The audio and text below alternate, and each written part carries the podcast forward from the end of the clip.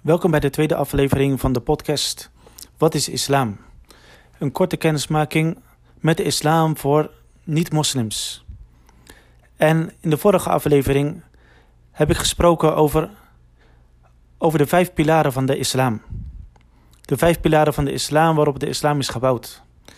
En de eerste pilaar van de islam, dat is de getuigenis dat er niets is dat het recht heeft aanbeden te worden behalve Allah. En dat Mohammed zijn boodschapper is. En de vorige aflevering heb ik ook gesproken over de betekenis van deze shahada, van deze getuigenis. De getuigenis, met name het eerste deel van de, van de getuigenis, dat niets het recht heeft aanbeden te worden behalve Allah. En het thema van deze podcast is: wat is islam en de reden van mijn bestaan? En ik wilde hierbij verder gaan in dit thema. Met een korte uitleg over de betekenis van de getuigenis dat Mohammed zijn, zijn de boodschapper is van Allah. Hij is zijn boodschapper en zijn profeet. Wat is de relatie tussen, tussen het thema van deze podcast? Wat is islam en de reden van mijn bestaan? En de getuigenis dat Mohammed de boodschapper is van Allah. Mohammed, hij is een boodschapper van Allah in de traditie van de boodschappers. Waarom heeft Allah, de schepper, waarin de moslims geloven, en hij is de schepper van alle zaken. De schepper van alle zaken en er is geen andere schepper behalve deze ene schepper en dat is Allah. En hij heeft het alleen recht om aanbeden te worden daarom. Wat is de relatie tussen het thema van de reden van ons bestaan en het sturen van de boodschappers. De profeet Mohammed, hij staat in de traditie van de boodschappers die Allah heeft gezonden naar de mensheid. En waarom heeft hij deze gezonden? En dat is om, hij heeft hen gezonden om een reden. En die heeft te maken met deze reden van het bestaan. Want de schepper, Allah, hij heeft de mens niet zomaar geschapen. Hij heeft hem geschapen om hem te aanbidden. Zoals hij zegt in de Koran: En ik heb de djinn en de mens slechts geschapen om mij te aanbidden. En daarom heeft hij ook de mens niet zonder leiding gelaten. Hij heeft hem geschapen om hem te aanbidden. Maar hoe aanbid je hem? Hoe weet je waar hij van houdt? Hoe weet je wat hij wil van jou? En wat de correcte manier is om hem te eren? En wat de goede dingen zijn om te doen en de slechte dingen? Wat ze noemen het morele of ethische vraagstuk in filosofische termen. Dat weten wij niet behalve via de profeten. Dus toen Allah de eerste mens, Adam, schiep, was deze een moslim en een aanbidder van zijn schepper.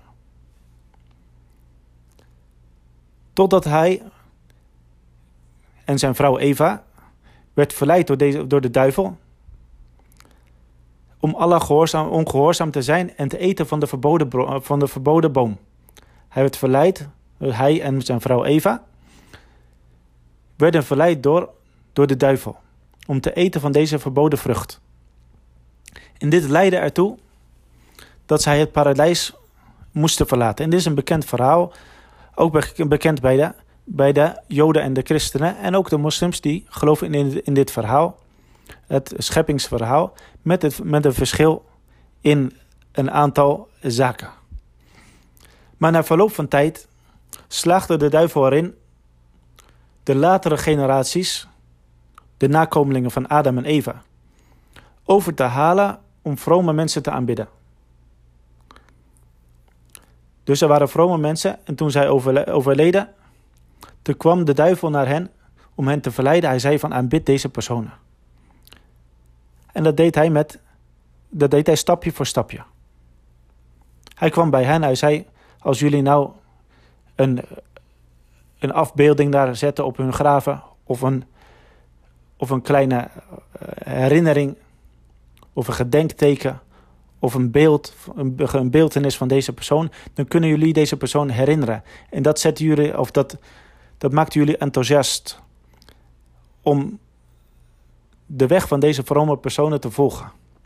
Maar van generatie tot generatie veranderde deze, deze staat van, of deze kennis. Totdat de duivel erin slaagde de mensen, de kinderen van, of de nakomelingen van Adam, om hen te verleiden tot de aanbidding van deze, van deze graven of van deze vrome mensen en van deze afgodsbeelden die hier op hun graven werden geplaatst. Toen stuurde Allah de profeet Noach naar hen en hij zei: Aanbid Allah. Jullie hebben geen andere God dan Hem. En dat wil zeggen, jullie hebben geen andere God die het recht heeft aanbeden te worden dan Hem. Want deze mensen, ze aanbidden deze vrome personen en deze graven en deze afgodsbeelden.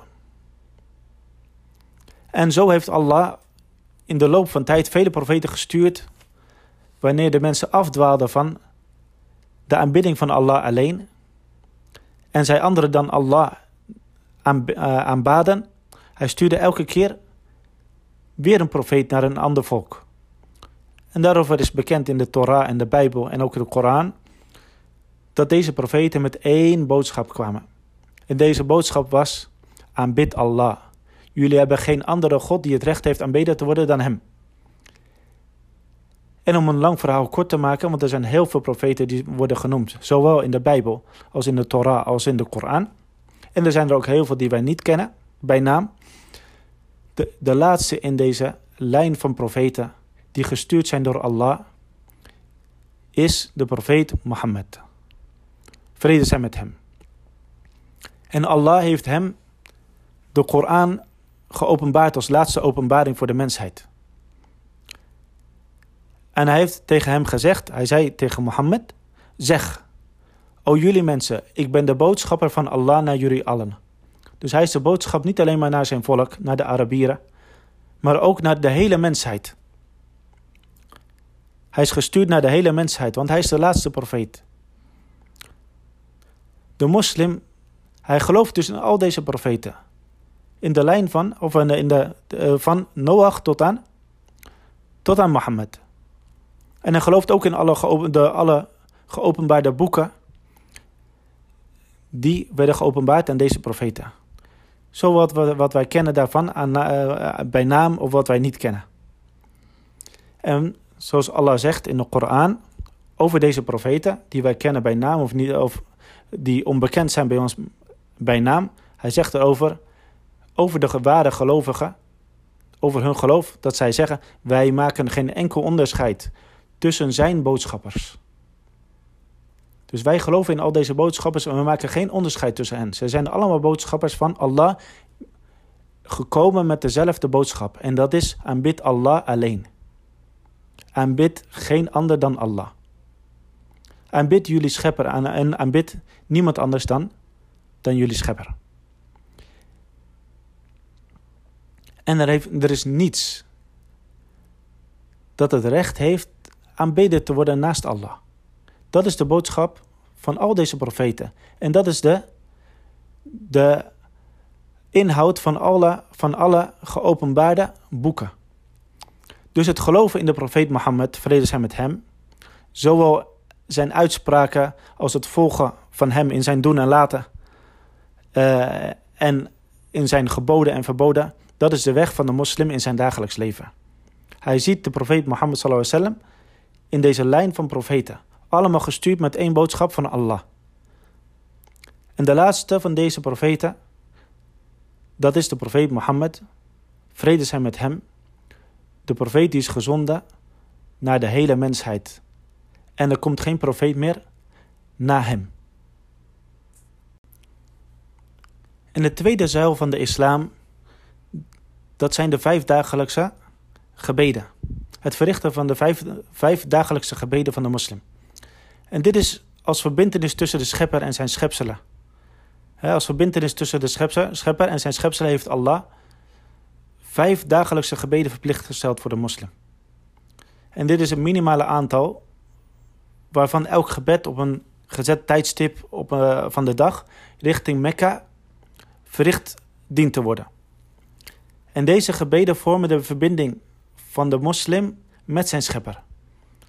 En in deze gebeden gedenkt hij Allah, zijn schepper, en hij prijst hem en hij roept hem aan en hij vraagt hem om, hulp. Hij vraagt hem om hulp in alle zaken. Dat is de, de reden van het gebed, of dat is de, de ziel van het gebed. En deze gebeden hebben een specifieke, een specifieke vorm en een specifieke lengte. En ze bevatten onder andere het reciteren van de Koran.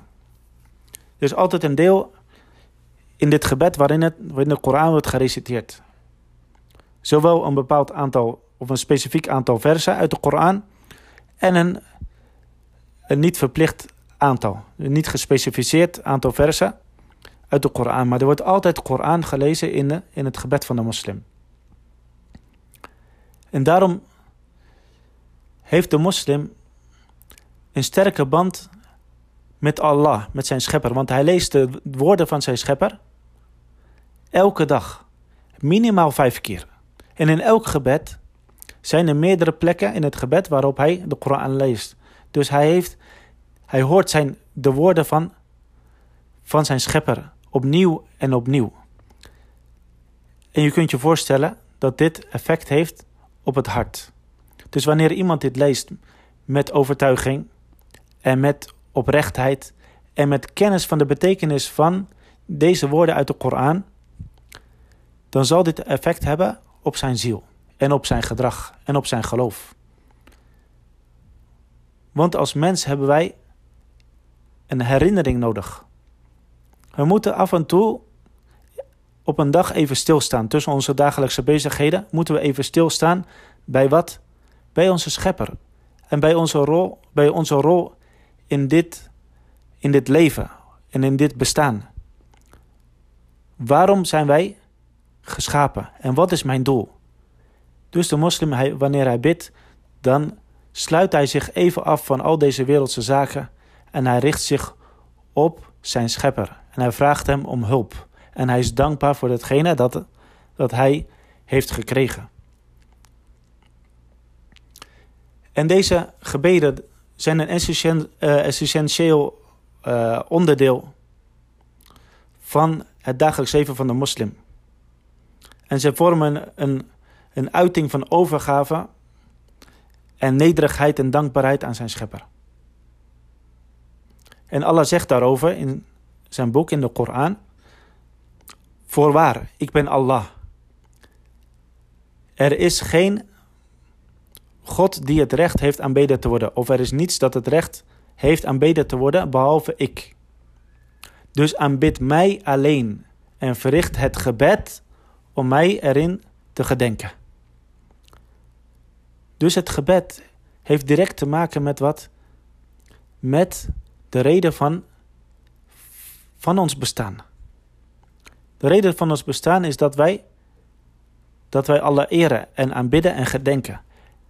En een van de beste manieren daarvan, of daarin, is het verrichten van het gebed. Zoals Allah hier zegt in de Koran, dus aanbid mij alleen en verricht het gebed om mij hierin te gedenken.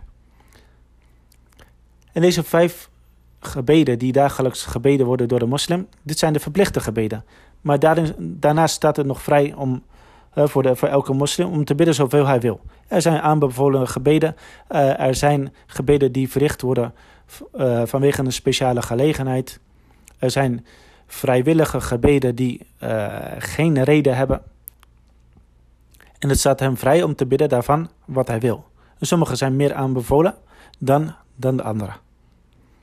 En het is een vorm van aanbidding, waarin zowel het hart als de tong en de ledematen tegelijkertijd uiting geven aan, aan, aan liefde, nederig, nederigheid en nood en overgave aan Allah.